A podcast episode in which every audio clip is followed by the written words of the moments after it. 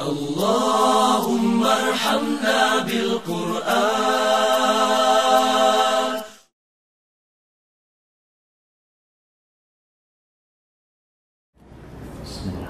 Assalamualaikum warahmatullahi wabarakatuh. Alhamdulillah hamdan katsiran tayyiban mubarakan fih kama yuhibbu rabbuna wa yarda. Asyhadu an la ilaha illallah wahdahu la syarika lah wa asyhadu anna Muhammadan abduhu wa rasuluh. Allahumma salli wa sallim wa barik wa an'im ala sayyidina Muhammadin wa ala alihi wa sahbihi ajma'in Ya ayyuhalladzina amanu taqullaha haqqa tuqatih wa la tamutunna Rabbana hab lana min azwajina wa dhurriyyatina qurrata a'yun waj'alna lil muttaqina imama. Allahumma ij'alna muqimis salah wa min dzurriyyatina rabbana wa taqabbal du'a. Amma ba'd Bapak Ibu saudara-saudariku keluarga mukmin yang dimuliakan Allah Subhanahu wa taala sungguh kita bersyukur bahwa Allah memberikan pada kita kesempatan untuk menuntut ilmu untuk mendapatkan panduan. Karena alangkah rumitnya orang berumah tangga tanpa panduan. Jadi suami tebak-tebakan kira-kira. Jadi istri juga cuma meraba-raba jadi anak hasilnya ya anak jadi-jadian karena orang tuanya juga tebak-tebakan saja. Karena di kita itu asal sudah saling cinta menikah. Tidak pernah ada panduan bagaimana jadi suami, bagaimana jadi istri. Begitu lahir anak pertama dipanggil ayah dan ibu. Belum pernah belajar bagaimana jadi ayah, bagaimana jadi ibu begitu punya cucu yang pertama dipanggilnya kakek dan nenek padahal kita belum pernah tahu bagaimana caranya jadi kakek dan nenek Bagaimana? Wong BI ini saja yang kantornya hanya sekecil ini. Saya berkatakan kecil, sangat kecil dibandingkan dengan keluarga kita yang hasilnya adalah orang. Unsur terpenting di peradaban manusia itu bukan uang, bukan bangunan, bukan kendaraan, tapi manusia. Bapak Ibu inilah manusia yang membangun semua ini kan. Bapak Ibu orang-orang yang cerdas, yang soleh inilah yang membangun semua ini. Unsur terpenting di peradaban itu adalah manusia. Kalimat Sayyid Qutb rahimahullah dalam Fidil Al-Quran bahwa unsur terpenting adalah manusia. Karena itulah ketika kita di keluarga, kita didik hasilnya manusia, Pak. Anak-anak kita itu hasil. Maka benar. Ini kalimat pembuka saya tentang bagaimana Sayyid Qutb bicara tentang bab ini. Ya, beliau mengatakan bahwa e, kalau lembaga-lembaga yang sebenarnya lebih rendah dibandingkan keluarga harus dipegang oleh orang profesional seperti ini contohnya maka keluarga yang menghasilkan manusia yang merupakan unsur terpenting harus sangat dipegang, dipegang oleh orang yang sangat profesional sayangnya tidak ada sekolahannya Pak Bapak Ibu kan untuk duduk di sini kan sekolahnya udah lama dulu sekolahnya lama pengalamannya panjang Udah jadi rumah di rumah tangga coba sekarang lihat perhatikan. Apa ada? Saya mau nanya, apa ada dulu Bapak Ibu yang kita nikah atau yang sudah mau punya mantu ada belum di sini? Itu eh, apa ada gitu begitu dulu kita datang melamar atau berencana baiklah mau menikahi eh, anaknya seseorang gitu kita datang ke orang tuanya laki-laki datang ke orang tuanya ada nggak bapaknya bilang begini baik nak kau suka sama putriku Iya pak, minggu depan kau datang lagi, kau bawa laptop, kau presentasi, bagaimana caranya kau didik anakku nanti, cucuku nanti. Pernah ada yang begitu? Gak ada kan? Gak ada. Besok saya lakukan di calon mantu saya pak. Loh, loh ya sekarang Pak Mahdi terima karyawan. Oh, umpamanya Pak B ini nggak sembarang orang Pak track recordnya jelas, keilmuannya jelas, pengalamannya jelas, kan begitu. Masa saya terima mantu? saya terima mantu yang nanti hasilnya adalah unsur terpenting di peradaban ini yaitu manusia. Masa asal terima saya? Terus muncul kalimat bijak orang tua Pak. Kalimat bijak nih sok bijak.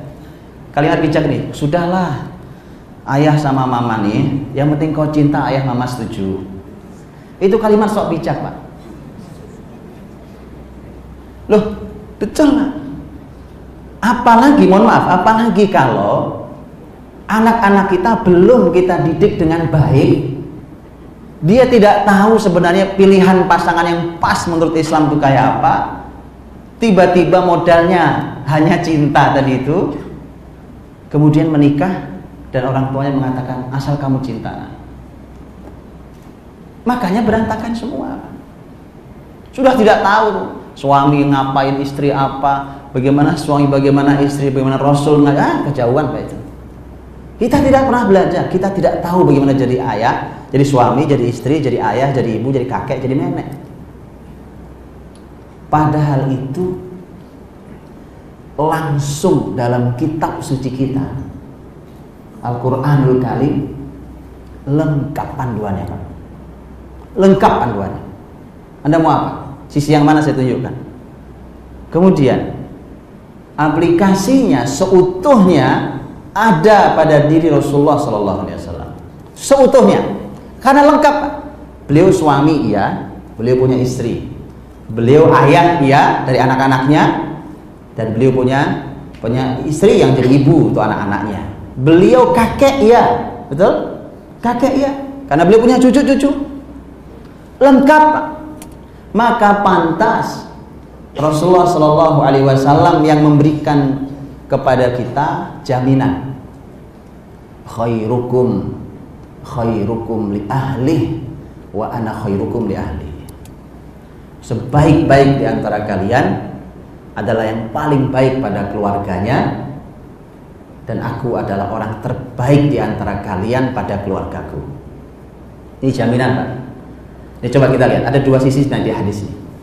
Saya, kata Nabi, orang terbaik di antara kalian adalah orang yang paling baik pada keluarganya. Saya belum tahu apakah di tempat Bapak Ibu bekerja urusan keluarga jadi jadi panduan untuk menerima karyawan atau untuk menaikkan karir seseorang. Lihat Pak, lihat. Rasul eh, Rasulullah SAW ini memberikan panduan yang nanti diikuti oleh para sahabat sebagai pemimpin bumi, bukan cuma pemimpin sebuah lembaga. Pak. Umar bin Khattab anhu pernah kirim surat. Kirim surat kepada seseorang dari masyarakat Bani Aslam. Diminta oleh Umar, datang kamu ke Madinah karena saya mau angkat kamu sebagai pemimpin. Dan Umar radhiyallahu anhu, Bapak Ibu kalau uh, membaca detail biografi Umar anhu, bagaimana cara beliau memilih SDM, uh, luar biasa. Luar biasa cara beliau memilih SDM. Karena beliau harus memimpin bumi. Persia, Romawi, peradaban terbesar zaman itu tutup di tangan Umar anhu. Maka Umar memilih SDM luar biasa. Tapi memang enaknya Pak, zaman dulu ada hasil didikan Nabi. Istilahnya gini istilahnya. Merem gini merem nih. Terus megang orang mesti orang berkualitas. Merem gini pak merem nih. Megang orang mesti orang berkualitas. Hari ini kita udah melotot nggak karu-karuan kan? Salah milih orang juga pak. Itu memang bedanya. Makanya kalau mau dikembalikan zaman itu tanya ke Rasul. Bagaimana Rasul menghadirkan zaman itu? Maka lihat kalimat Umar. Lebih baik saya mengganti orang setiap hari daripada saya berlama-lama dalam kesalahan dan dosa. Lo kita kalau ganti orang tiap hari berantakan pak sistemnya. Tapi sama itu tidak pak.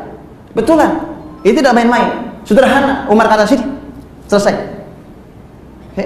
Ada orang mundurkan diri, saya mundurkan diri, nggak siap, silahkan pergi. Saking banyaknya SDM yang berkualitas luar biasa. Itu hasil didikan Rasul. Dulu anak-anak kecil dulu, ya kan? Zaman Umar kan sudah sekian tahun berikutnya sudah tumbuh jadi orang besar. Umar memanggil orang dari Bani Aslam untuk datang Kau aku angkat kau jadi pemimpin. Begitu dia datang menghadap ke Khalifah Umar radhiyallahu ya, Khalifah Umar ternyata lagi bermain sama anak-anaknya. Ya namanya ayah, beliau pemimpin, tapi beliau ayah dan beliau punya cucu. Lagi bermain dengan anak dan cucunya. Namanya orang tua kalau main sama anak, Pak, yang main ya bercanda ya ya ya apa guyonan ya menciumi anaknya itu. Orang itu heran, Pak. Gitu. Karena bayangan orang, Pak.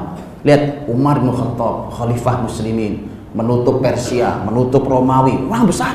Ngebayanginnya aja begitu ketemu kan, kayak apa tuh orang itu?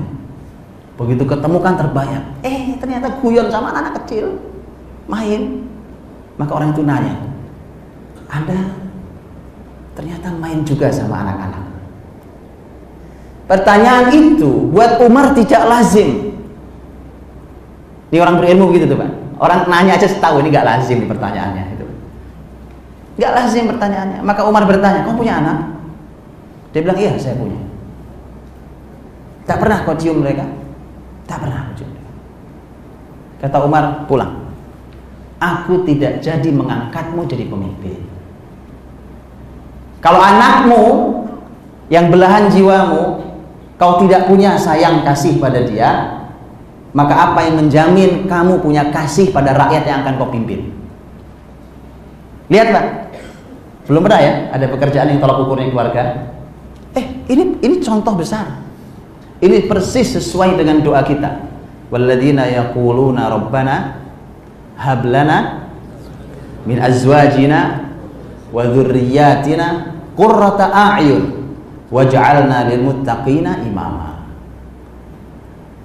Al-Furqan 74. Orang-orang hamba-hamba Allah yang Maha Rahman mereka berdoa Ya Allah Rob kami anugerahkan pada kami pasangan dan keturunan yang menyejukkan pandangan mata dan jadikan mereka pemimpin bagi orang-orang bertakwa. Lihat doa ini bermula dari menyejukkan pandangan mata baru jadi pemimpin bagi orang bertakwa.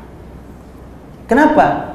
Kalau saya istri saya, anak-anak saya, mereka adalah belahan hidup saya, belahan jiwa saya. Saya yang punya hubungan emosional kuat saja saya tidak peduli, saya tidak bisa mimpin mereka, tidak ada kasih sayang. Lah saya mimpin masyarakat yang tidak ada hubungan apa-apa dengan saya, saudara, bukan kerabat, bukan lebih tidak kasih, lebih tidak sayang. Gak jadi, Pak. dicoret sama Umar, pulang, gak jadi. Hanya gara-gara salah nanya, Pak. Begitu milih orang, makanya Umar ketat memilih SDM. Karenanya dalam Islam keluarga itu menjadi poin penting sampai dalam urusan pekerjaan. Tadi Pak Mahdi punya usulan luar biasa. Ketika indeksnya kita mulai tambahkan indeks kebahagiaan. Ya, emang buat apa? Uang banyak nggak bahagia, Pak. Semua ada, anda bahagia, bahagia tidak malah nyeksa iya. Apa indahnya? Apa indahnya hidup sekali ini tidak hasanah di dunia dan hasanah fil akhirah. Karena karena kan dunia ini kan sebenarnya e, tidak terpisah dari akhirat. Jadi DP-nya itu sudah ada di sini, Pak. Sudah ada di dunia ini. Saya kasih contoh. Ini, ini sangat fisik sifatnya. Kalau panas terik, panas terik siang hari panas terik Kan Rasul mengatakan ini panas terik padang pasir itu kan bisa sampai di atas 50 derajat Celcius. Nabi katakan kalau saat panas terik kata Nabi abridu bis sholat. Kata Nabi dinginkan sholat kalian. Artinya kalau panas terik itu mesti jam sholat di Timur Tengah itu akan agak diundurkan sedikit Pak Zuhur itu. Gak pas waktu adzan itu mesti diundurkan karena sunnahnya malah diundurkan karena ada eh, tadi ada perintah Nabi dinginkan sholat kalian. Terlalu panas. Fa inna syiddatal har min faihi jahannam. Dan kata Nabi karena terik matahari yang panas ini adalah asap jahanam tuh kan? Nggak terpisah Pak dunia ini bahkan secara fisik tidak terpisah dari akhirat makanya begitu orang gampang lihatnya orang tuh makanya saya sering katakan kalau bicara keluarga mudah-mudahan keluarga kita adalah surga sebelum surga yang sesungguhnya Loh di, di dunia saja keluarga kita berantakan, menyiksa, menyakiti, tidak bahagia. Apa indahnya? Jangan-jangan ini DP neraka, Pak. Betul kan? Loh ya, makanya tolong diukur, Pak. Tolong diukur. Dalam Islam, keluarga itu tolong ukur segala-galanya. Oh, pekerjaan aja tidak diberikan pada orang yang tidak layak keluarganya. Maka Nabi katakan, khairukum khairukum li ahli, kan? Kalau mau lihat siapa terbaik di antara kita, lihat siapa yang paling baik pada keluarganya. Dan Nabi kasih jaminan, wa ana khairukum li ahli. Kalian mau tahu siapa yang paling baik? Kata Nabi aku. Kata Nabi SAW, aku. Artinya kalau mau belajar, belajar sama Nabi urusan berkeluarga mau nyari tips bagaimana Pak tipsnya agar anak-anak begini? Tanya sama Nabi. Ada apa ada ada. Anda mau apa? Komunikasi pada anak cara mendekati anak-anak menyelesaikan masalah di mereka menghadapi anak usia berapa di jenjang apa semua ada. Tipsnya ada semua dari Nabi SAW. Ada. Cuma sayangnya kita ini sudah belajar dari berbagai macam tempat dan ahli tapi lupa belajar dari Rasulullah Shallallahu Alaihi Wasallam. Itu masalah kita. Kita sudah belajar dari ahli ini, pakar komunikasi, pakar ini, pakar parenting ini. Kita sudah berbicara tentang berbagai macam teori ini, teori itu, segala macam teori. Kita lupa bahwa orang terbaik itu di keluarganya adalah Rasulullah SAW. Tentu malam hari ini saya tidak bisa menyampaikan banyak, Pak. Karena kalau saya sampaikan banyak sampai subuh. Karena bicara keluarga mesti panjang kan. Saya mungkin hanya sampaikan eh, sebagian sesuai dengan apa judulnya petunjuk Islam dalam mendidik anak. Eh, Bapak ini dirahmati Allah Subhanahu wa taala. Kalau berbicara anak itu eh, dalam Islam sekali lagi dia sangat besar. Sangat-sangat besar. Dia tidak kecil, tidak sederhana. Dan Terima kasih banyak pada Qoriah yang membacakan dua ayat itu. Yang satu dari surat Al-Ahzab, yang satu surat Tahrim. Yang Al-Ahzab 21 ayat 21 tadi adalah laqad kana lakum fi Rasulillahi uswatun hasanah liman kana yarjullaha wal yawmal akhir wa dzakarallaha katsira. Sungguh pada e, untuk kalian pada diri Rasulullah SAW terdapat teladan yang baik bagi siapa pun yang berharap Allah hari akhir dan berzikir yang banyak. Dan satu lagi di surat At-Tahrim ayat yang ke-6 Ya ayyuhalladzina amanu qu anfusakum wa ahlikum nar dan seterusnya wahai orang beriman jagalah dirimu dan keluargamu dan seterusnya. Dua ayat ini menjadi ayat yang luar biasa menarik Pak. Sebelum saya detailkan sampaikan tentang tema anak. Lihat ayat yang pertama tentang uswatun hasanah. Bahwa Rasul itu uswatun hasanah. Bapak Ibu kalau buka Quran Nanti silakan dicari kata uswatun hasanah di Quran terulang tiga kali.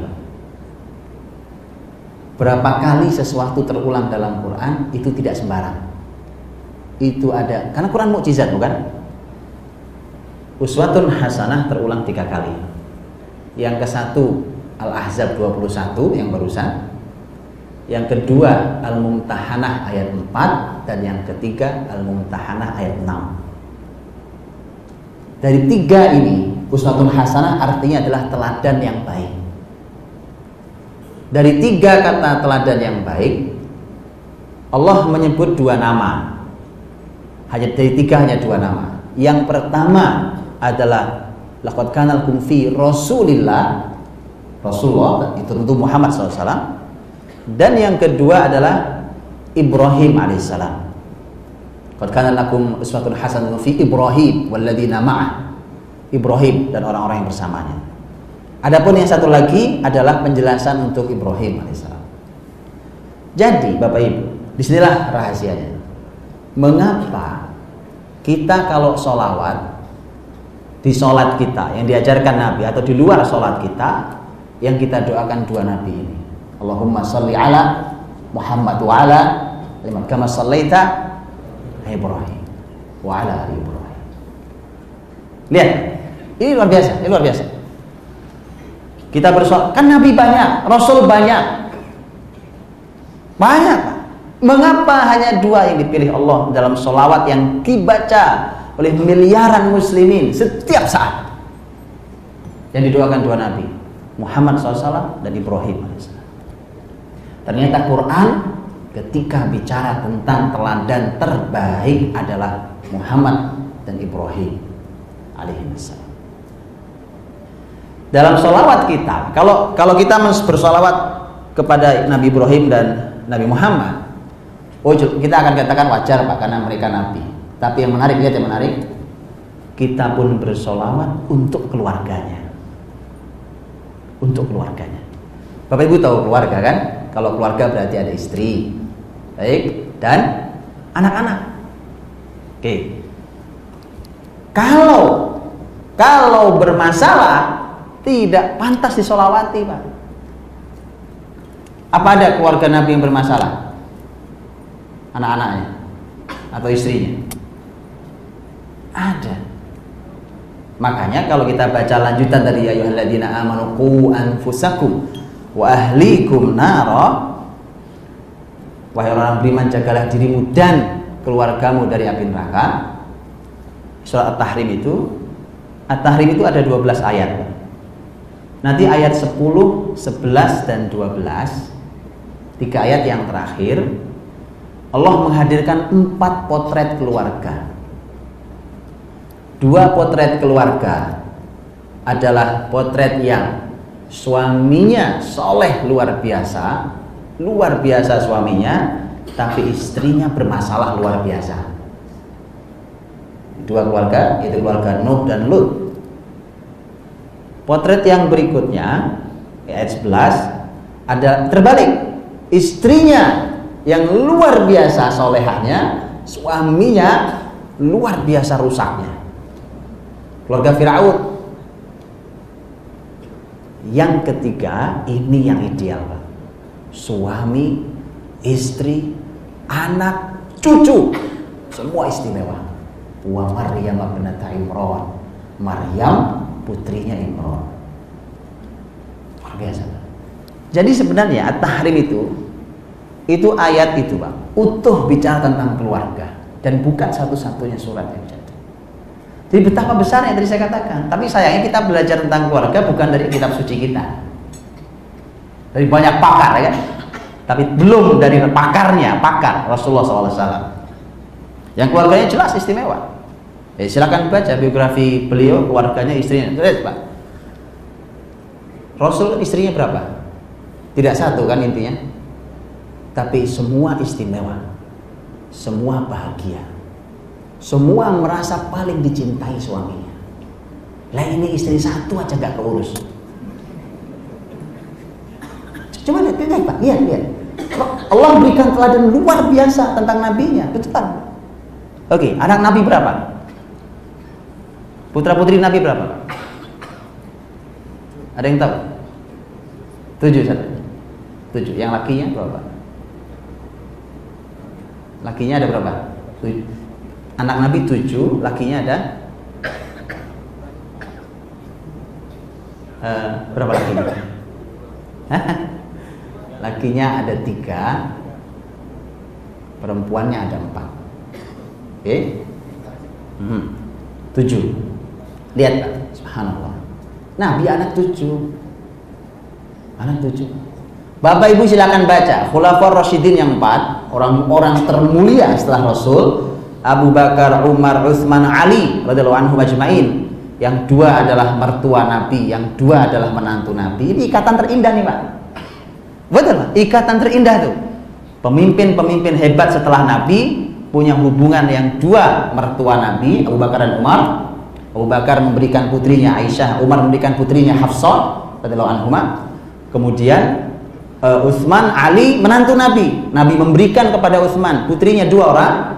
Yang pertama adalah Ruqayyah, Ruqayyah meninggal diberikan lagi Ummu Kulsum, kemudian Ali diberi Fatimah. Lihat, dua mertua, dua menantu. Dan saya sering sampaikan, ini ya ini ini pelajaran pelajaran mahal. Begini maksud saya. Ini begini maksud saya. Ini kalau kalau ini adalah teman lama. Kan kita ini berteman lama umpamanya di sini ya. Ngaji bareng. Kita saling tahu kesolehannya masing-masing keluarga. Ya sudah nyari mantu jangan ke mana-mana. Tinggal nengok kanan kiri salaman aja sama sampingnya. Nanti kita pisanan ya. Eh betulan pak. Ini konsep nubuah anda keliling-keliling nyari semua begitu datang ini dari mana nih Deni? Nggak jelas semuanya. Betulan nggak lihat? Nggak ke mana-mana. Semua ini Abu Bakar, Umar, Utsman, Ali kan didikan Nabi. Ya sudah, Abu Bakar, Umar memberikan putrinya ke Rasul. Utsman, Ali dikasih putri Nabi SAW. Begitu caranya. Siap ya Pak? Ya udah salaman aja langsung. Loh, menerapkan konsep Nabi itu sesederhana itu lah. Sesederhana itu. Kalau kita sudah saling kenal, kenal kebaikannya, kenal kesolehannya, kenal prestasi keluarganya, kenal semuanya, kenapa tidak? Betul kan? Itu istimewa. Pak. Kembali, jadi eh, ketika ketika kita bersolawat tadi pada Rasul Muhammad SAW dan Nabi Ibrahim AS. Kemudian kita bahkan bersolawat pada keluarganya. Itu yang istimewa. Karena ternyata sampai keluarganya, baik keluarga Ibrahim alaihissalam, keluarga Muhammad SAW, dua-duanya istimewa. Tadi sudah kita katakan, cucu Nabi bahkan. Nabi sampai ke cucu. Nabi itu diberikan Allah usia sampai bisa mendidik cucunya sampai bisa mendidik cucunya. Makanya ini juga ini juga sebenarnya pelajaran lagi, Pak. Jadi kita sambil lewat aja pelajarannya sambil mengikuti jalan sepanjang jalan ya, Pak. Ini pelajaran lagi, Pak. Pelajaran pertama nikah jangan tua-tua. Itu satu. Yang kedua, jangan menunda punya anak. Nanti Anda menyesal. Nanti Anda anak menangis hanya mengatakan aku nih cuma ingin bertemu dengan cucu-cucuku. Usia sudah tua, tulang sudah rapuh, rambut sudah putih semua, ya kan? Kenapa? Anda menunda pernikahan gara-gara karir, bahkan Anda begitu menikah menunda punya anak juga gara-gara karir. Saya ingatkan, dalam sepanjang sejarah kebesaran Islam, Islam mendorong generasinya untuk menikah di usia sangat muda. Tentu dengan persiapan istimewa, tentu. Anda tahu berapa putri Nabi dinikahkan? Fatimah dinikahkan dengan Ali. Nabi menikahkan putrinya dengan Ali bin Abi Thalib adalah anhu. Anda tahu usia berapa? Imam Az-Zahabi dalam Syiar Alamin Nubala mengatakan bahwa Usia Ali bin Abi Thalib saat itu kurang lebih 21 setengah tahun. Dan usia Fatimah radhiyallahu anha kurang lebih 15 setengah tahun. Siapa yang salah? Ada yang berani nyalain? Yang anda salahkan Rasulullah SAW. Ada yang berani? Saya tahu yang muncul di kepala bapak ibu kebanyakan adalah itu zaman dulu pak, beda zaman sekarang. Kalau itu zaman dulu berarti kita tidak perlu spanduk itu Pak. Peringatan maulid Nabi ngapain? Nggak usah, kita nggak perlu Nabi. Karena itu zaman dulu. Itu masa 15 abad lalu. Ya kan? Nggak perlu kita Nabi Muhammad. Lihat Pak, lihat bahayanya kalimat kita itu zaman dulu. Lu ngapain kita kumpul di sini sekarang? Kita membicarakan zaman yang sudah lewat zaman onta Pak. Sekarang sudah pesawat Pak zaman kita, ya kan? bicara zaman onta, zaman padang pasir, sekarang sudah aspal semua, Pak. Iya. Lihat bahayanya kalimat kita itu. Subhanallah. Kita sering tidak terasa digiring oleh setan. Untuk membuang Rasul kita, membuang kitab suci kita. Bukan itu jawabannya. Harusnya Anda bertanya, Pak, bagaimana caranya menyiapkan anak segitu siap jadi jadi istri, jadi suami, jadi ayah, jadi ibu setahun berikutnya? Itu pertanyaannya. Nah, ada jawabannya. Jangan Anda buang, oh, itu zaman dulu, Pak. Beda zaman sekarang ini sebuah zaman sudah canggih. Apa yang canggih hari ini, Pak? Tunjukkan pada saya di mana canggihnya. Saya tunjukkan yang lebih canggih dari zaman hari ini itu ribuan tahun yang lalu. Saya tunjukkan sejarahnya. Quran bahkan mencatatnya. Eh? Supaya kita tahu. Peradaban ini bukan istimewa, Pak. Supaya Anda tahu itu. Gedung menjulang tinggi, oh, oh Anda sekarang para ilmuwan masih bingung kok menerjemahkan bagaimana piramid dibangun. Sampai sekarang para ahli bangunan belum bisa menganalisa bagaimana Quran bercerita tentang konstruksi Zulkarnain di Surah Al-Kahfi. Makanya tidak Jangan merasa sok modern Pak zaman hari ini. Ini hanya pergiliran waktu zaman saja. Oke, tapi hukum sunatullah sebab akibat hukum kausalitas berjalan terus. Nah, baik. Kembali bahasan kita. Jadi Bapak Ibu rahmati Allah. Um, ketika Rasulullah Shallallahu Alaihi Wasallam memberikan jaminan bahwa saya orang terbaik dalam urusan ini, dalam urusan keluarga, mari kita belajar pada Rasulullah SAW. Bahkan kalau kita mengkaji surat At-Tahrim saja Pak, kita ketemu Pak. At-Tahrim itu ditutup dengan empat potret keluarga tadi ya. Tadi sebenarnya tiga, tiga jenis keluarga. Tapi ayat 1 itu kan ayat 10, 11, 12. Tapi ayat 1 di surat At-Tahrim Allah Subhanahu wa taala justru bicara tentang keluarga Nabi Muhammad SAW ayat 1, ayat 2, ayat 3 dan seterusnya justru bicara tentang keluarga Nabi Muhammad SAW. Yang menarik, yang menarik, pembicaraannya justru bukan tentang istimewanya keluarga Nabi. Yang kita bayangkan Bapak Ibu, oh ini bicara tentang istimewa tidak. Justru Allah sedang menegur nabinya sebagai seorang suami. Kalau ditegur berarti salah, Pak. Ya ayuhan nabi Lima tuharrimu ma ahallallahu lak Tabtagi mardata azwajik Wallahu ghafur rahim Hei nabi Mengapa kau berani mengharamkan Yang dihalalkan Allah Hanya karena kau ingin menyenangkan istri-istrimu Allah maha pengampun lagi maha penyayang Oh ditegur Allah Tahu kisah itu? Sebabnya apa? Saya berkisah ini sebenarnya poin pertama Pak tentang pendidikan anak. Karena bicara anak harus dimulai dari orang tua. Tidak bisa tiba-tiba ke anak. Kalau Bapak Ibu nggak percaya begini nanti, nanti pulang ke rumah Bapak Ibu yang sudah punya anak, anaknya satu, dua, tiga atau sepuluh gitu ya. Silahkan nanti dilihat Pak duduk sama suami istri berdampingan begini, lihat anak-anak lagi beraktivitas di rumah. Perhatikan, anak satu lewat, bisikin sampingnya anda gitu, pasangan anda. Lihat-lihat. Cara jalannya caramu. Nanti jawab itu cara memandangnya caramu. Tuh tuh cara bicaranya caramu itu cara bicaranya. Kan yang sedih ngomong itu cara senyumnya caramu. Yang satu bilang itu cara ngamuknya caramu itu. Oke. anak kedua lewat. Sama pak. Anak kedua juga gitu kan? Ya kita lihat lagi yuk yuk. Nah tuh tuh kan bener kan? Itu persis kamu ya. artinya apa? Mereka kita Pak. mereka itu kita. Jadi sebenarnya bicara anak-anak itu bicara kita. Mulailah dari diri kita. Itulah mengapa Rabbana hablana min azwajina dulu. Baru wadurriyatina pasangan dulu baru bicara keturunan Gak bisa tiba-tiba pendidikan anak, yuk anak-anak. Wah itu.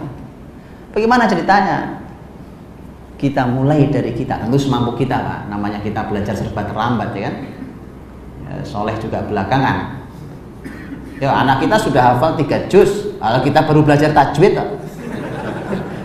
ya, ya, ya sudah itulah kita. Makanya ya kita angkat bendera putih lah sama anak-anak. Sambil kalau Idul Fitri tolong minta maaf pak Jangan anak-anak saja disuruh sungkem sama orang tuanya. Itu nggak adil menurut saya. Saya menuntut ketidakadilan itu, Pak. Tidak adil, Pak. Mosok anak doang yang disuruh, eh sini sini sungkem dosamu banyak sini sini. Kamu sini sini antri-antri anak satu dua tiga. Eh pertanyaannya, memang orang tua nggak pernah salah didik anak-anak. Ayo gantian Pak sekarang. Mohon maaf ya nak, gara-gara bapak ibu ini ilmu pas-pasan, soleh juga pas-pasan, ya jadinya kayak kamu gini aja nih cuma jadi bapak ibu mohon maaf terus terusnya gitu pak. Itu baru adil fair. Jangan anak lu suruh minta maaf mulu sini. Eh itulah ini pak. Jadi idul fitri itu mari kita hapus ketidakadilan itu pak. Di hari yang fitri itu ya kan. Itu tidak adil pak. Karena yang salah bukan cuma anak-anak kita salah. Kapan kita Quran tidak membatasi bahwa yang salah yang yang minta maaf tuh cuma anak kecil enggak siapa pun yang salah minta maaf kalau kita salah minta maaf. Pernah Bapak Ibu minta maaf gara-gara salah? Bapak Ibu umpamanya membentak anak pada waktu yang tidak tepat. atau memarahi dan menghukum mereka di luar batasnya. Anda pernah minta maaf? Minta maaf, Pak. Seperti anak minta maaf sampai menangis, Anda pun bisa lakukan minta maaf sampai menangis di hadapan mereka. Wallahi mulia, Pak. Mulia, tidak jatuh Anda, tidak. Tidak jatuh, Anda sangat mulia. Mulia di hati mereka. Bahkan mereka langsung belajar keteladanan. Oh, begini ya caranya kalau salah itu. Bahkan Bapak Ibu pun minta maaf pada saya. Mulia, Pak. Orang minta maaf tidak pernah hina. Karena karenanya Quran memuji betul Yuk kita hentikan kezaliman di Idul Fitri, Pak. Jangan menzol itu masa menzolimi anak nasional itu, Pak. Ya. Maksud saya orang tuanya juga minta maaf ya. Ya, ya eh, jadi Rasulullah SAW eh, di ayat 1 itu ternyata kan ditegur Allah Subhanahu wa taala. Wahai Nabi, mengapa kau mengharamkan apa yang dihalalkan Allah? Karena mengharamkan yang dihalalkan Allah tidak boleh sebagaimana tidak bolehnya menghalalkan yang diharamkan sama pada boleh itu murni hak Allah Nabi pun tidak boleh melanggar itu apalagi kita sama Bapak Ibu tahu kisah ayat nomor satu di surat Tahrim itu Nanti silahkan dibuka di sebab turunnya ayat itu. Mengapa sampai Allah memberikan teguran? Ini faktornya kan suami istri. Muhammad kenapa kau haramkan apa yang dihalalkan Allah hanya karena menginginkan agar kau bisa menyenangkan istri-istrimu. Ah, itu judul ceritanya adalah itu gara-gara uh, madu memberi madu. Soalnya Pak. Jadi madu ngasih minum madu itu Pak cerita. Paham ya?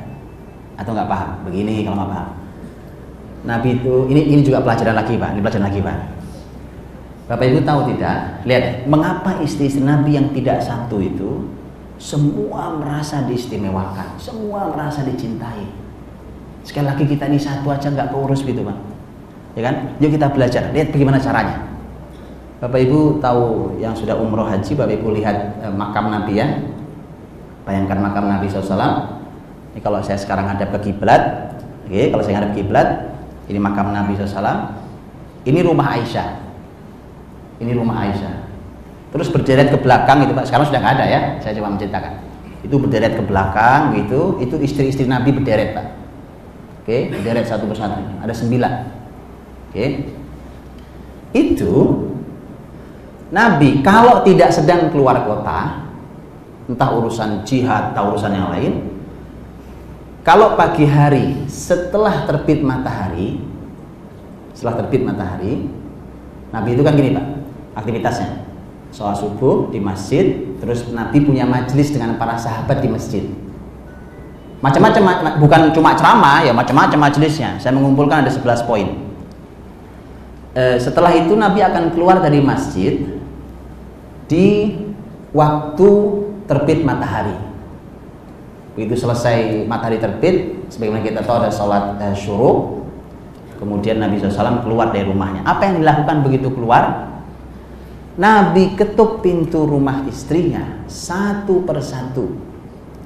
Nabi datang sebagai laki-laki terbaik yang pernah dijumpai wanita dengan senyum manisnya dengan sapa ramahnya dengan doa tulusnya dengan sentuhan lembutnya lihatlah itu Rasulullah SAW. Setiap pagi Nabi lakukan itu. Satu persatu diketuk pintu rumahnya. Didatangi, bicara selesai. Nanti sore hari menjelang terbenam matahari Nabi lakukan hal yang sama. Coba lihat. Hal yang sama satu persatu. Nabi ketuk pintu rumah istri-istrinya. Kalau yang terbenam menjelang terbenam matahari, istri yang terakhir adalah istri yang mendapatkan jatah malam beliau malam itu. Makanya istri Nabi walau tidak satu semua merasa diistimewakan, semua merasa dicintai, Pak. Ayo belajar, Pak. Bu, ayo belajar yuk. Ayo belajar. Loh, belajar apanya kok ketawa ini? Mencurigakan ketawanya Bapak ini. Bapak memang begini nih, Bu. Mohon maaf nih, Bu, saya ini ini pada colek-colekan Ibu ya. Iya, uh, yuk kita belajar dari Nabi, Pak. Bagaimana memuliakan para wanita. Yaitu, subhanallah, itu teladan. Nah, uh, Nabi kalau datang ke rumah istrinya tentu kisahnya beda-beda. Ada Nabi ketemu istrinya, istrinya lagi sedang dikir. Ada ketemu istrinya Nabi mengajari ilmu, ada ketemu istri Nabi berbincang, ada ketemu istri Nabi bertanya tentang makanan ada apa enggak. Kadang jawabannya ada, kadang jawabannya enggak ada. Ya macam-macam isinya. Suatu hari Nabi SAW masuk masuk ke rumah Zainab. Nabi punya istri Zainab namanya dua orang. Ada dua nama Zainab. Satu Zainab binti Khuzaimah, satu Zainab uh, binti Jahsh. Nabi masuk ke rumah eh, Zainab binti Jahsh. Kemudian Zainab karena istri begitu Pak. Ini uh, makanya saya Bapak Ibu mungkin bisa baca coretan saya di parentingnabawiyah.com. Uh, kalau makanan itu mungkin buat bapak-bapak sederhana ya. Sederhana itu artinya ya simple, tapi buat perempuan itu istimewa. Jadi bagaimana nilai makanan di hati wanita. Oh, Nabi ngajarin nggak gampang ini. Ini ilmunya bukan ilmu kuliner, ini ilmu Rasul nih Pak. Lihat, setiap istri Nabi kalau dia punya makanan, apalagi makanan kesukaan beliau, itu disimpan baik-baik menunggu beliau datang. Itu wanita itu Pak. Makanya kan istri-istri kita kan gitu tuh Pak, ya kan? Itu masya Allah begitu kita pulang, para ayah pulang di rumah sudah ngeliat tuh ada soto di atas meja, ada makanan, ada apa itu ya. Oke, kemudian istrinya dengan manis mengatakan, "Makan ya." Ah, udah makan tadi di luar. itu runtuh dunia, Pak. Bapak Ibu tahu, itu soto sampai di atas meja, Pak. Itu merencanakannya seminggu itu, Pak. Nyari resep di internet dua hari.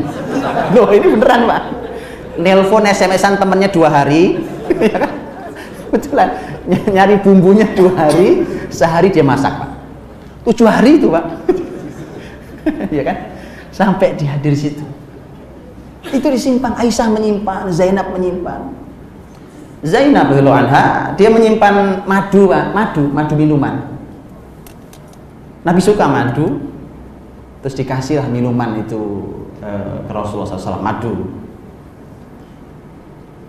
Karena diseduh dulu eh, karena di, disuguhkan dulu kemudian Nabi minum dulu segala macam Nabi lama pak di rumahnya Zainab itu nah itu kemudian memicu kecemburuan manusiawi keluarga Nabi manusiawi memicu kecemburuan Aisyah radhiyallahu anha eh Nabi lama amat di rumahnya Zainab ya kan manusiawi pak cemburu itu indah ya kan asal pandai memanagenya eh, anda juga harus belajar manajemen cemburu namanya pak Bukan cuma manajemen keuangan, Pak. Ada namanya manajemen cemburu. Dan itu Nabi langsung yang mengajarkan. Kan gini, kan gini Pak. Nabi yang saling cemburu kan memang istri semua ya Pak. Jadi ini istri, ini istri, ini istri semua. Mereka saling cemburu ya, oke okay, kan. Nah kita ini rumitnya kan mencemburui istri orang. Atau mencemburui gadisnya orang loh. Kan? Agak rumit hari ini Pak.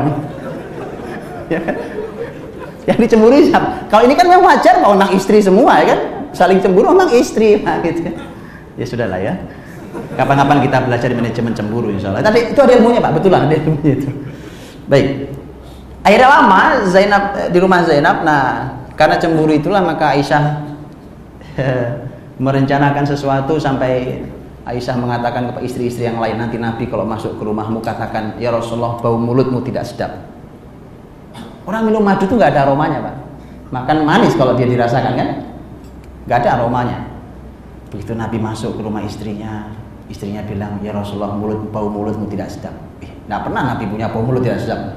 Masuk kedua sama, masuk ketiga kalimatnya sama. Nabi paham, Nabi orang cerdas. Eh, ini ada sesuatu di balik layar ya. Nabi bilang, Nabi ketika memicu itu, Nabi katakan, baik, mulai hari ini saya haramkan Demi Allah saya haramkan madu untuk saya. Minum madu. Puas kalian? Kan? Saya tidak lagi minum madu mulai hari ini. Haram buat saya. Nah itu yang Allah tegurkan. Wahai Nabi mengapa kau haramkan apa yang dihalalkan oleh Allah SWT. Madu kan halal Pak. Artinya gini, at-tahrim itu justru dimulai dengan teguran Allah Subhanahu wa taala kepada keluarga Nabi. Yang ditegur Nabi karena Nabi memang yang salah, tetapi penyebab kesalahan Nabi siapa? Istri-istrinya. Sehingga Nabi pun bisa. Itu juga pelajaran Pak. Kadang-kadang suami salah penyebabnya istri, kadang istri salah penyebabnya suami. Makanya ketika bicara tentang pendidikan anak, itu ternyata memang harus berbicara dulu tentang pasangan suami istri. Intinya gampang, Pak. Sepasang suami istri, mereka harus bisa menghadirkan dirinya menjadi orang yang satu diteladani, yang kedua dikagumi. Dua poin hadirkan diri Anda, satu dikagumi, yang kedua bisa diteladani. Dan Pak, kalau sudah begitu, semua yang dianggap sulit di pendidikan anak, insya Allah tidak ada yang sulit. Asal syaratnya dua ini bapaknya, ibunya hadir sebagai ayah ibu yang sesungguhnya yang dikagumi dan diteladani. Gini maksudnya Pak. Tapi Ibu kalau mau tahu gampang caranya. Gampang. Anda kalau panggil anak, sini sini sini nak. Bapak nih mau nanya. Kamu kagum gak sama bapak? Itu nggak jawab kalau itu Pak Insya Allah ya kan. Dia akan jawab kalau diintimidasi Pak. Ayo dong jawab. Ah kalau sudah gitu, iya ya kagum kagum. Nah, itu bukan kagum namanya Pak ya. Itu penuh intimidasi namanya. Bukan gitu caranya Pak, ya. Tanyakan kepada tanyakan an, ke mana anak ini biasa menyampaikan kisah tentang orang tuanya. Mungkin ke gurunya, mungkin ke omnya, atau tantenya, tetangganya, eh, temannya apa segala macam. Tanyakan. Dia, kita akan mendapatkan jawaban yang jujur. Kalau dia bercerita tentang kita, ceritanya positif atau negatif. Mengagumkan biasa atau mengecewakan. Itu betul Pak, harus dikoreksi. Karena kalau itu selesai, selesai Pak. Betul, wallahi, mudah sekali. Kalau ayah ibu mengagumkan, bahkan anak punya masalah, anak kita bermasalah, maka mudah sekali. Saya kasih contoh, saya kasih contoh di lapangan. Uh, saya pernah menangani sebuah kasus rumah tangga. Kasusnya sangat berat saya tidak sebutkan kasusnya karena sangat berat kasusnya. Terjadi pada anak perempuannya di rumah itu. Karena dia sudah mencoba berbagai macam cara dan datang ke berbagai macam pakar dan ahli ternyata tidak selesai masalahnya. Sangat berat masalahnya, Pak. E, Bapak Ibu tidak pernah terbayang itu. Ya. E, maka kemudian saya bilang, Pak, yuk kita diskusi, Bapak, eh, Ibu, yuk Ibu kita diskusi. Saya mau tahu di mana masalahnya sumber masalahnya itu apa gitu sebenarnya ini kan efek penyakit ini kan efek sebenarnya penyakit seperti ini sumber masalahnya oke setelah diskusi ujungnya ternyata ketemu di antara yang gini oke berarti salah satu masalah pentingnya salah satu sumbernya adalah anda memberikan fasilitas internet ke anak-anak baik dari handphone dia atau dari internet di rumah dan segala macam maka anda harus cabut bahkan handphonenya Wah, bingung orang tuanya. Nggak bisa Ustaz. Anak ini sudah SMA, sudah besar, pasti dia ngamuk luar biasa. Saya bilang bisa. Ngamuk pun sudah saya duga, dia akan ngamuk. Nah, terus gimana kalau ngamuk? Gampang, Bu. Gampang. Namanya orang ngamuk, Bu. Itu kayak orang luka. Ya, perih, Bu. Bisa ngamuk itu. Maka caranya ya setelah diobati perih itu ya dilus-lus dulu, ya kan? di, kalau perlu kasih apa ya es ya kasih dinginkan dulu gitu biar birunya itu mulai mulai hilang ya mulai sakit mulai hilang ya diredam dulu uh, saya simpel pertanyaannya. Gini saya mau tanya. Ayahnya anak ini jadi suami ibu ini dikagumi nggak sama anaknya? Sama si anak itu? Oh dikagumi pak. Anak ini sangat kagum sama ayah. Ah selesai bu. Selesai. Selesai. Lu kok selesai? Ya. Ayahnya yang mencabut handphonenya. Kok gitu ya. Orang kalau dikagumi saya kagum sama seseorang dia lakukan apa pun pada saya tidak pernah hilang kekaguman saya kalaupun kecewa dia segera kembali mengaguminya maka saya bilang pak kalau orang tua menjadi orang yang mengagumkan dan bisa diteladani banyak masalah selesai di rumah itu di anak-anak itu selesai pak Bahkan Anda nggak perlu bicara panjang lebar, tidak perlu dalil panjang lebar untuk mengajari mereka kebaikan. Betul Pak, dicabut itu. Begitu dicabut, kemudian subhanallah Pak, hal yang sudah lama dan tidak bisa diselesaikan itu, itu hanya perlu waktu kurang lebih dua minggu atau seminggu atau dua minggu, saya lupa kan pasnya seminggu atau dua minggu dan masalahnya selesai. Saya ajari bapaknya gimana cara bapaknya ngelus-ngelus anaknya. Tapi itu satu, dia harus orang yang mengagumkan. Karena kalau tidak mengagumkan gini pak, jangankan sampai mengecewakan nyabut handphone ya kan, itu ngomong aja males dengerinnya. Ah ngomong lagi nih orang, males ngomong dia. Ya kan? Begitu dengerin ngomong kan dia bilang, eh ngomong doang ini. Karena tidak mengagumkan. Tapi kalau orang tuanya mengagumkan, nah bagaimana mengagumkan, bagaimana bisa diteladani? Tentu namanya diteladani kan harus baik, bapak ibunya harus baik. Tapi bagaimana mengagumkan tentu eh, dia orang tuanya harus prestasi istimewa di bidang kebaikan. Itu penting. Kan susah. Kalau anak-anak begitu ditanya apa kehebatan bapakmu. Saya pernah uji coba nih pak. Saya pernah uji coba nih bapak ibu. Ini menarik ya. Eh, ada waktu itu anak-anak usia SD rata-rata. Ada saya lupa ada SMP tidak SD rata-rata. Itu kita kumpulkan gitu kan kumpulkan kita punya acara dua hari atau eh, dua hari ya. E, kemudian di akhir acara itu anak-anak itu kita kasih kertas pak sama pulpen. Masing-masing kita bagi baik anak-anak e, pertama ceritakan momentum paling berkesan apa sajalah bisa satu bisa dua terserah kalian kamu dengan ibumu wah nulis pak Pak, kurang kertasnya. Iya sih Mas. Wah, iya. Sudah, sudah. Anak-anak, ayo tuliskan momentum perkesan indah kamu dengan ayahmu. Itu pulpen diem semua. Saya nulis apa Pak? Ya nggak tahu kalau nanya saya kan. Diem aja gitu. Sampai ada betul-betul ada yang tidak bergerak pulpennya Pak. Ada yang bisa bergerak betul, ada yang benar-benar tidak bergerak. dia dia yatim sebelum waktunya. Itu mengerikan. Padahal bapaknya ya ada sebenarnya. Nah itu. Maka dari dua-duanya harus hadir. Saya cuma nggak tega aja tadi mau tadi ya bisa juga kita minta yang ketiga. Ayo anak-anak buatkan momentum terindah kamu dengan mbak-mbakmu pembantumu di rumah. Itu indah sekali jangan-jangan ya. Saya cuma nggak tega aja pak. Karena itu kita sodorkan ke orang tuanya. Cuma nggak tega aja kita. Betulan Pak. Jadi kamu ini anak siapa sebenarnya? Subhanallah. Jadi gitu. Maka itu kan mengagumkan, bisa diteladani. Artinya milikilah prestasi di kebaikan. Apa pun kebaikan itu, apa pun namanya kebaikan. Harus ada, di, bukan di ibunya saja, harus di bapaknya juga. Di ibunya, di bapaknya harus ada itu. Baik. Kemudian eh, kalau sudah yang babnya teknis pak, umpamanya bagaimana ya pak cara didik anak, bagaimana ya ini, bagaimana itu, ah itu itu perlu waktu panjang. Tapi saya kasih contoh, eh, contoh betapa maksud saya eh, Rasul memberikan contoh sampai praktek di lapangan. Nabi SAW itu kalau ketemu anak-anak itu sangat peduli. Dia ada, nggak ada tuh tidak ada tuh anak-anak lagi main terus Nabi lewat-lewat itu tuh nggak ada pak. Tidak ada dalam sejarahnya Rasul lewat begitu aja ketika ada anak-anak dilewatinya. Nabi pasti sempatkan untuk berhenti sesaat. Berhenti, mengucap salam, menyapa baik mereka, mendoakan kebaikan, mengusap bagian tubuh mereka, kepalanya, pipinya, apa segala macam. Karena Nabi duduk sesaat di situ untuk melihat mereka bermain. Setelah itu Nabi pergi.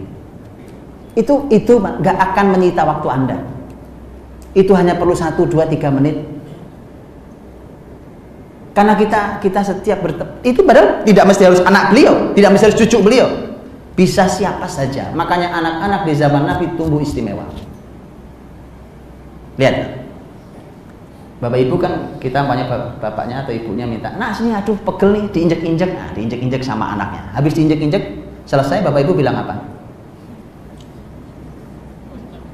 Terima kasih ya nak.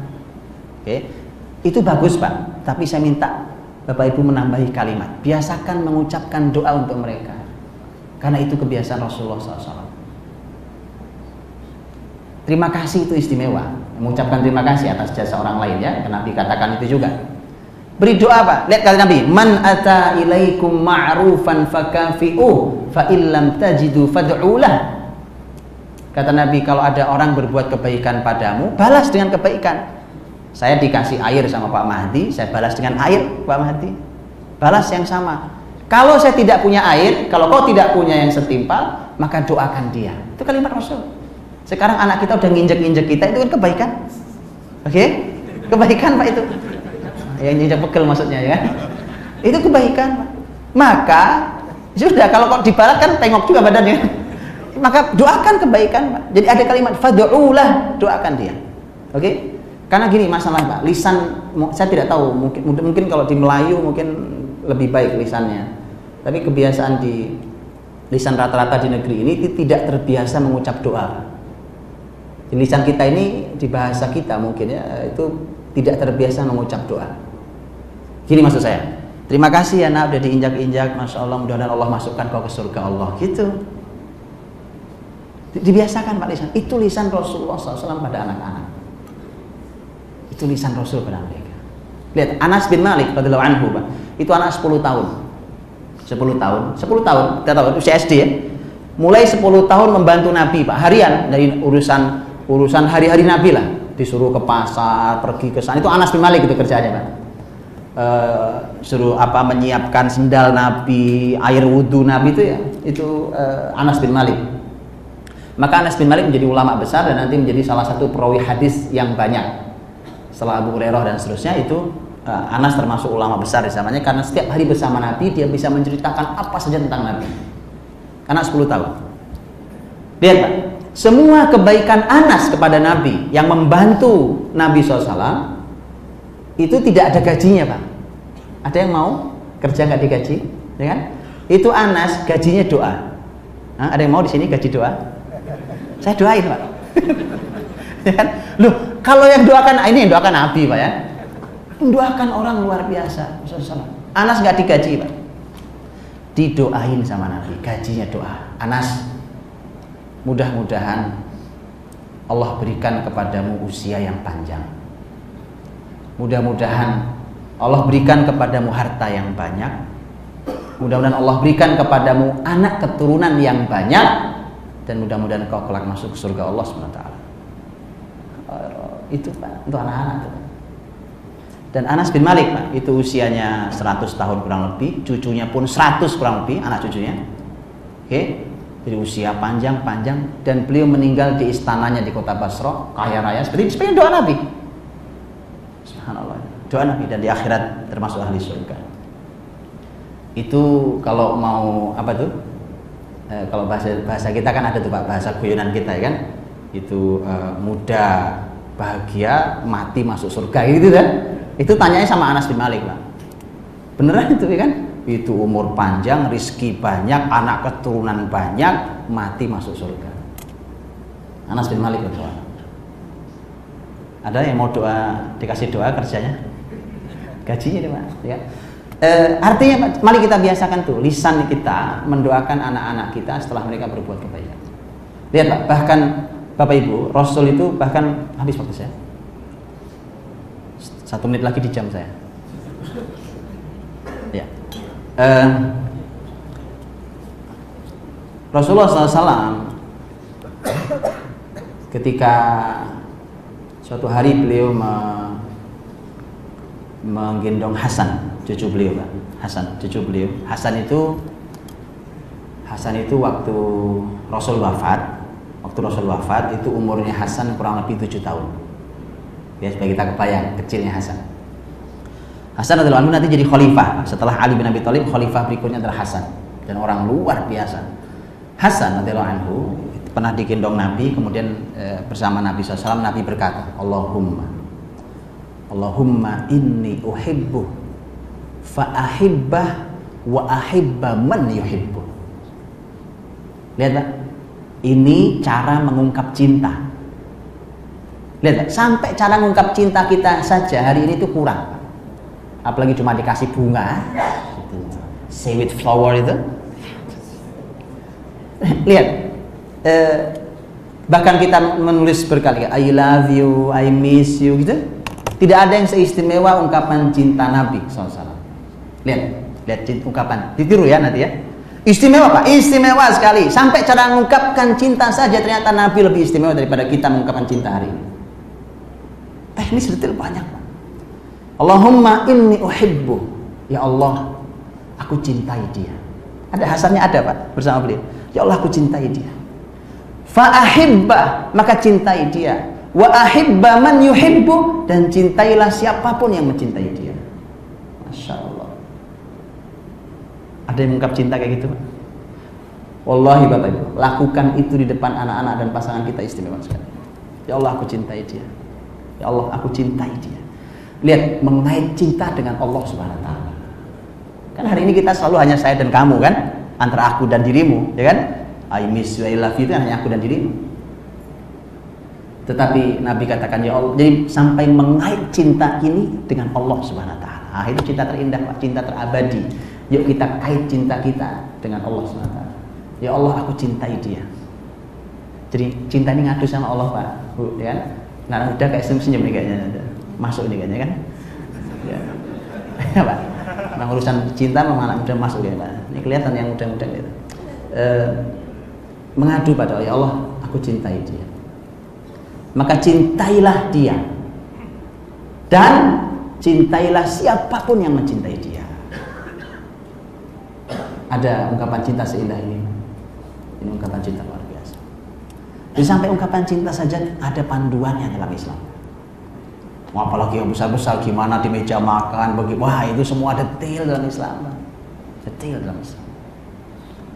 Gitu ya. Karena waktu saya habis, terakhir saya tutup, Pak. Saya tutup. Ini penting sekali, yaitu Anda jangan pulang membawa rizki yang subhat apalagi haram. Catat baik-baik poin ini, Pak rizki yang haram, rizki yang subhat hanya melahirkan anak-anak yang menyusahkan kita di kemudian hari. Mengapa tidak? Rasulullah SAW yang mengatakan, lahmun nabata min suhtin fannaru aulatih. Daging yang tumbuh dari barang yang haram, neraka lebih layak baginya. Kalau kita suapi anak-anak kita dengan barang haram, coba kita sedang mendorong mereka untuk menjadi anak neraka. Karena namanya anak neraka yang jengkelin, ya manasin hati, namanya panas neraka ya. Maka dari itu jangan bawa pulang rizki yang syubhat, apalagi haram. Tidak ada tempatnya di keluarga. Jamin bahwa yang aku berikan kepadamu 100% halal. 100% halal. Tidak ada yang haram, tidak ada yang syubhat. Maka gini, ibu-ibu dalam hati Allah ibu-ibu kalau sebenarnya kalau ibu-ibu uh, atau nanti bapak-bapak yang sini istrinya tidak ada nanti sampaikan ke istrinya pak. Istri itu kalau melepas suaminya pergi pagi hari untuk mencari nafkah beribadah mencari nafkah itu itu ada kalimat indah yang dicontohkan oleh generasi salafus soleh dahulu. Sang istri berkata begini suamiku kan uh, suamiku pergilah kau cari nafkah ya kan kami ini sabar kalau lapar, tapi kami tidak sabar kalau masuk neraka. Itu contoh kalimat orang dahulu. Dan kalimatnya ya tidak menohok gitu pak. Kalimatnya lembut, indah, tapi oh itu sampai ke hati harusnya.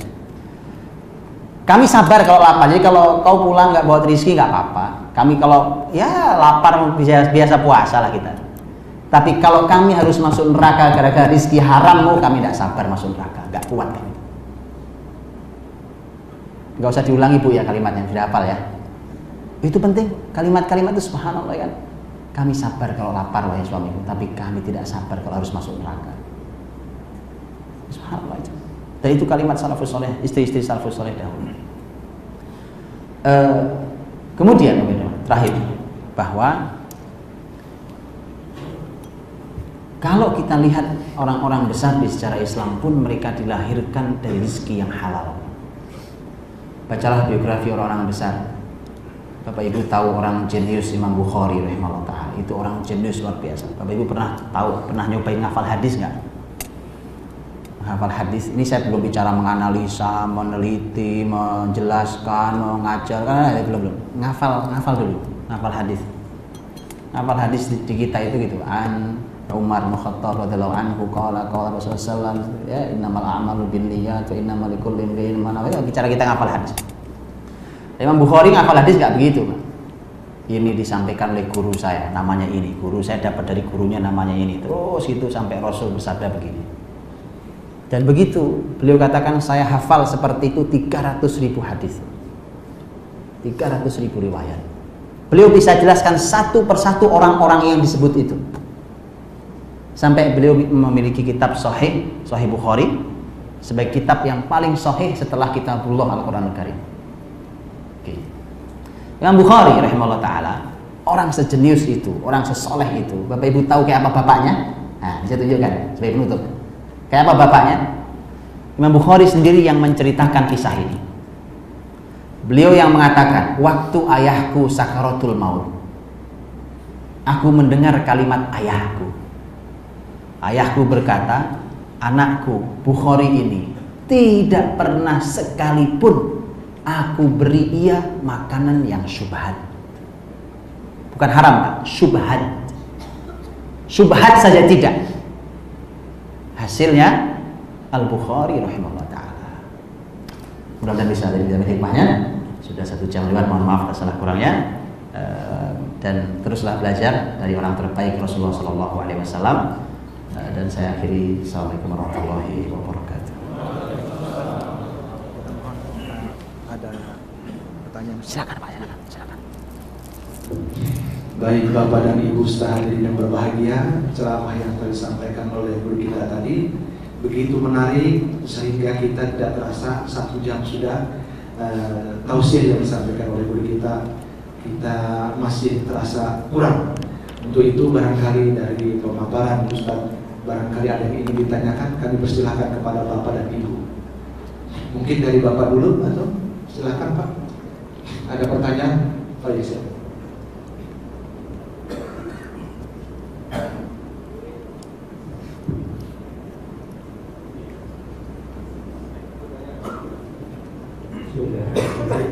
Assalamualaikum warahmatullahi wabarakatuh. Assalamualaikum warahmatullahi wabarakatuh. Eh, sebelum bertanya saya perkenalkan diri. Nama saya Hendra. Eh, saya bukan dari perbankan. Eh, undangan dari komunitas One Day One Juice. Masya Allah, sahlan. Eh, Ustaz, ini luar biasa. Ini saya tersangkut dalam sebuah kalimat Ustaz menjadi eh, teladan. Satu lagi apa Ustaz? Dikagumi itu gitu. Ini sering kita ketemu di lapangan Ustaz, mungkin yang biasa bekerja di perbankan mungkin pulangnya udah sore Ustaz gitu kan. Udah makan malam gitu kan, kan teman saya sendiri juga ada yang berprofesi seperti itu kita sampai jam 8 sebelum pulang gitu kan. Terus kita juga ketemu dengan saudara-saudara kita juga bekerja di kargo, pelayaran dan seterusnya jarang sekali ketemu dengan anak gitu saja. Terus terus terang kita yang berprofesi yang ada di luar kota gitu kan jarang ketemu keluarga gitu kan mohon tipsnya Ustaz gimana sih supaya kita dikagumi gitu Ustaz oleh ini ya karena luar biasa durasi itu sangat sangat kecil sekali ketemu dengan keluarga gitu itu saja Ustaz banyak maaf Assalamualaikum warahmatullahi wabarakatuh Assalamualaikum. Baik, eh, langsung saya jawab. Eh, Mas Hendra ya. Eh, baik. Pertanyaan luar biasa. Eh, se- sebelum saya jawab, saya berikan tipsnya. Saya mau katakan gini, Pak. Eh, jangan juga jadikan tips saya ini nanti sebagai alasan untuk bapaknya pergi, ibunya hilang. Paham ya? Oh itu udah ada tipsnya, udah gampang lah kan? ya karena Islam membagi wilayah buat suami dan istri, ayah dan ibu ada pembagiannya dan itu memang bukan pembahasan kita malam ini. Eh, Oke, tapi saya sampaikan bagaimana tipsnya dan ini juga langsung dari sejarah orang-orang besar yang melahirkan keluarga-keluarga istimewa. Saya tunjukkan contohnya. Salah satu contoh istimewa adalah kelahiran orang mulia, orang besar, Umar bin Abdul Aziz rahimahullah taala. Umar bin Abdul Aziz rahimahullah taala. Sebelum itu jauh sebelum zaman Nabi Muhammad adalah Nabi Ibrahim sendiri. Yang tadi kita solawati tadi ya. Kan Nabi Ibrahim itu sebenarnya juga polanya begitu. Bukankah ketika ketika Nabi Ibrahim meletakkan Ismail berikut ibunya Hajar di lembah Mekah, tidak ada kehidupan. Rabbana inni askantu min dzurriyyati biwadin ghairi dzi zar'in 'inda baitikal muharram. Jadi nggak ada kehidupan, nggak ada, tidak ada pohon sama sekali. eh, di lembah, lembah Mekah. Bahkan Ka'bahnya belum ada, tidak ada kehidupan, sama sekali tidak ada. Tidak ada air, tidak ada pohon, tidak ada kehidupan. Maka Ibrahim pulang, meninggalkan pulang ke mana? Ke Palestina. Tidak ada handphone, tidak ada SMS, nggak ada email, ya kan? Sudah, pakai apa komunikasi? Sudah, yang ada pasrah. Rabbana inni askantu min dzurriyyati biwadin ghairi dhi zar'in inda baitikal muharram. Rabbana liyuqimus shalah faj'al afidatan minan nas. Itu panjang doa Ibrahim itu, Pak. Surat surat Ibrahim ayat 35 sampai 41. Panjang doanya, Pak. Karena nggak ada lagi. Mau, komunikasi pakai apa? Hari ini kita ngobrol aja ada fotonya, ada wajahnya kan. Langsung live baru bisa. Eh. Itu sampai seperti itu. Ibrahim datang-datang datang ke Mekah Lihat, begitu datang ke Mekah Quran bicara, "Falamma balagha ma'ahu sa'ya qala ya bunayya inni ara fil manami anni adbahuka fanzur madza tara." Qala ya abati fa'al ma tu'mar satajiduni insyaallahu minas sabirin. Ketika ketika eh, Ismail sang putra sudah mulai tumbuh bisa membantu orang tuanya. Ibrahim berkata pada Ismail, "Nak, ayah kok mimpi menyembelih kamu." Coba datang-datang nyembelih itu gimana ceritanya? Lihat. Tapi anak soleh, lihat bukti anak soleh. Bagaimana menurutmu nak? Jawabannya luar, wahai ayahku, lakukan apa yang diperintahkan padamu dan aku insya Allah adalah orang yang sabar. Coba anak sesoleh itu. Bukan disuruh sholat itu pak, mau disembelih. Bukan disuruh sholat, disuruh sholat, disuruh sholat nawar itu berarti anda gagal jadi anak. Betul pak? Disuruh sholat melintir sana, melintir di sini, pindah di kasur sana, pindah kasur sini, masuk kamar mandi tiga jam. Ada masalah serius di pendidikan ini. Kalau itu terjadi di anak-anak kita yang sudah balik terutama. Oke? Ini anak Ismail alaihissalam mau disembelih bapaknya, tapi sadar itu perintah. Ismail tahu kalau itu bapaknya itu perintah dari Allah. Maka lakukan ya, lakukan. Aku sabar. Coba. Siapa yang didik Ismail? Ibunya. Oh Ibrahim kan jauh di Palestina, Pak. Kok bisa? Kisah berikutnya menarik lagi, Pak. Disampaikan bahwa ketika Ismail sudah menikah, ya kan? Ismail sudah menikah. Dan Ismail alaihissalam itu senangannya berburu, Pak. Berburu. Begitu dia nikah, uh, sudah punya istri, kemudian dia pergi berburu suatu hari. Datang Ibrahim yang sudah tua. Nabi Ibrahim itu punya anak Ismail aja sudah tua, ini Ismail nikah pula. Datang. Yang ditemui adalah istrinya. Ismail sedang tidak di rumah. Ibrahim melihat istrinya, ini kok tidak bagus akhlaknya. Si istrinya tidak kenal kalau itu bapak mertuanya, itu Ibrahim. Si istrinya bertanya apa pesan bapak tua? Ibrahim menjawab, pesankan ke suamimu, ghayyir atabata babik. Ya, eh, tolong tolong diganti itu pintu grendel pintu rumah itu kunci pintu rumah. Begitu pulang, Kan begitu pulang kemudian istrinya bercerita tentang kedatangan bapak tua dan menyampaikan pesan. Oh, kata Ismail itu ayahku. Itu artinya beliau memerintahkan agar aku menceraikanmu. Coba lihat Pak. Bapak jarang ketemu jarak Palestina Mekah bisa paham sampai pola komunikasi. Lihat. Itu ilmunya apa? Nah, itu. Ya kan? Ada ilmunya, Pak. Ilmunya apa tuh? Fisik memang berjauhan. Qadar Allah ada orang bekerja di luar kota, susah bertemu anak segala macamnya. Oke, singkat sekata Pak. Saya berikan tipsnya dengan kisah-kisahnya. Kayak kisah Umar bin Abdul Aziz. Saya berikan tipsnya, beberapa tipsnya.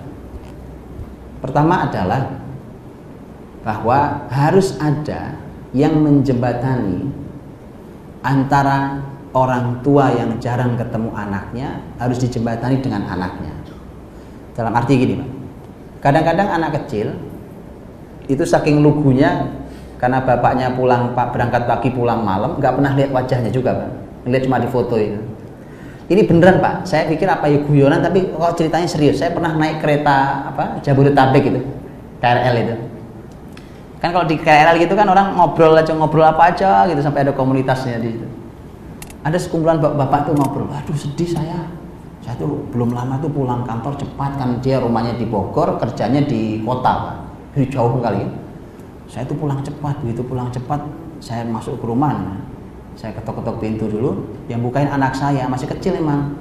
Dia lari ma ada tamu. Aduh sedihnya gua gitu. Enggak ini bener saya bilang ini bapak guyonan saya lihat. Betul pak saya pernah dengar itu di KRL itu. Masya Allah sedih sekali. Jadi anak-anak sampai tidak mengenali wajah ayahnya oke? Harus ada yang menjembatani itu. Tapi yang jauh lebih penting bukan wajah. Yang jauh lebih penting adalah apa hebatnya. Tadi saya bilang. Apa yang membuat anak bisa mengagumi dan meneladani ayahnya. Makanya dalam Islam itu ada namanya nasab ada namanya hasab. Ada pakai nun pakai ha. Nasab itu kita anak siapa? Ya? Uh, fulan bin fulan bin fulan itu namanya nasab. Kalau hasab pakai ha apa prestasi besar keluarga ini Hah? bedanya coba gitu ya nah itu dua-duanya disebut oleh Nabi SAW Pak. untuk nyari jodoh terutama nyari istri ini dua-duanya disebut oleh Nabi Wasallam jadi penting harus ada kalau ibunya di rumah bersyukur Pak jadi ibunya harus pandai bercerita pada anaknya. Ayahmu itu nah, ayahnya di luar kota jauh kan. Ayahmu tuh hebatnya begini begini. Ini foto ayahmu nih, ini nih, lagi ini ini. Oh, luar biasa nih ayahmu. Harus ada cerita itu. Oke. Sehingga walau dia tidak hadir sang ayah di, di situ, anak tahu persis bahwa ayahnya mengagumkan. Suatu hari dia ketemu anak betapa ini orang yang sudah lama dia kagumi, dia rindukan, sekarang dia ketemu. Oke.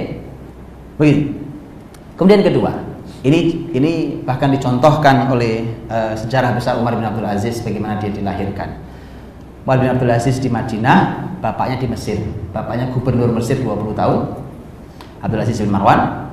Itu zaman dulu, Pak. Ya, zaman dulu paling hebat kan di sampan itu untuk nyeberangi Laut Merah. Kalau mau muter kan jauh muternya lumayan. Umar bin Abdul Aziz dididik di Madinah oleh keluarga besar Abdullah bin Umar radhiyallahu anhu Kemudian ayah dan ibunya bertugas di Mesir. Tadi mau dibawa ke Mesir, cuma sama Abdullah bin Umar nggak perlu. Di sini aja anak-anak biar dia belajar sama kita di sini. Tapi lihat, ketika sang anak Umar bin Abdul Aziz yang juga orang luar biasa ketika nanti jadi pemimpin, Pak. Dia hanya perlu waktu 29 bulan untuk memakmurkan bumi setelah sebelumnya carut marut. Nggak ada kan pemimpin kayak gitu kan? Lima tahun kita bilang kurang kok. Padahal wilayah kecil-kecil Riau. Ya betul Pak. Silahkan cek seberapa luas kekuasaan Umar bin Abdul Aziz ketika nanti beliau jadi khalifah. Itu kalau dikonversi puluhan negara. Bayangkan itu. Hari ini, konversi hari ini itu puluhan negara. Bayangkan itu. Nah itu istimewa sekali orang ini bagaimana dibesarkan. Umar bin Abdul Aziz begitu serahkan kepada gurunya, Soleh bin Kaisan, salah satu guru pentingnya. Tapi Soleh bin Kaisan itu tidak memutus hubungan antara anak dan orang tuanya orang tuanya di Mesir. Makanya ketika Umar bin Abdul Aziz terlambat sholat, terlambat sholat itu nggak main-main kalau zaman zaman Islam dulu ya, makanya istimewa anak-anak mereka ya. Yuk kita belajar tidak terlambat sholat. Uh, maka ketika Umar bin Abdul Aziz terlambat sholat dan gara-garanya itu nyisir terus pak, masih namanya anak mulai tumbuh dewasa kan, nggak boleh melihat cermin sedikit itu kan, nyisir nyisir nyisir terlambat sholat, sibuk nyisir Kenapa terlambat? Saya ini rapiin rambut. Di, gurunya kirim surat ke orang tuanya. Anakmu terlambat sholat gara-gara nyisir. Laporan masuk ke Mesir, bapaknya nggak pakai bicara, dia kirim orang. Apa tugas orang itu? Menggunduli kepala Umar bin Abdul Aziz. Selesai, nyisir apa sekarang? Ayo. Udah gundul kan? Ini masuk saya, Pak. Apa yang bisa diambil hikmahnya? Orang tua bisa jadi tidak sedang bersama dia, tapi keputusan orang tua bisa bersama dia. Bisa bersama dia. Contoh, umpamanya yang di rumah ada ibunya atau kakek neneknya atau siapa pun ya, atau kalau dia di pesantren di bersama guru-gurunya. Maka jangan segala hal diputuskan sendiri oleh orang yang tinggal bersama anak-anak. Sekali waktu hadirkan ayah di negeri seberang sana apalagi hari ini kita punya alat komunikasi Masya Allah hadirkan ayah dengan keputusannya umpamanya anak melakukan kesalahan atau anak memiliki prestasi atau anak meminta sesuatu Anda bisa sekali waktu katakan iya nak uh, uh, yang ini yuk kita telepon ayah ayah yang putuskan kalau mama ikut ayah oke Oke, telepon ayah. Ayah hadir walau secara fisik tidak hadir di sana. Dan anak belajar, oh mama saja yang aku kagumi begitu hormat sama ayah. Saya kira itu, mudah-mudahan bisa mendiskusi.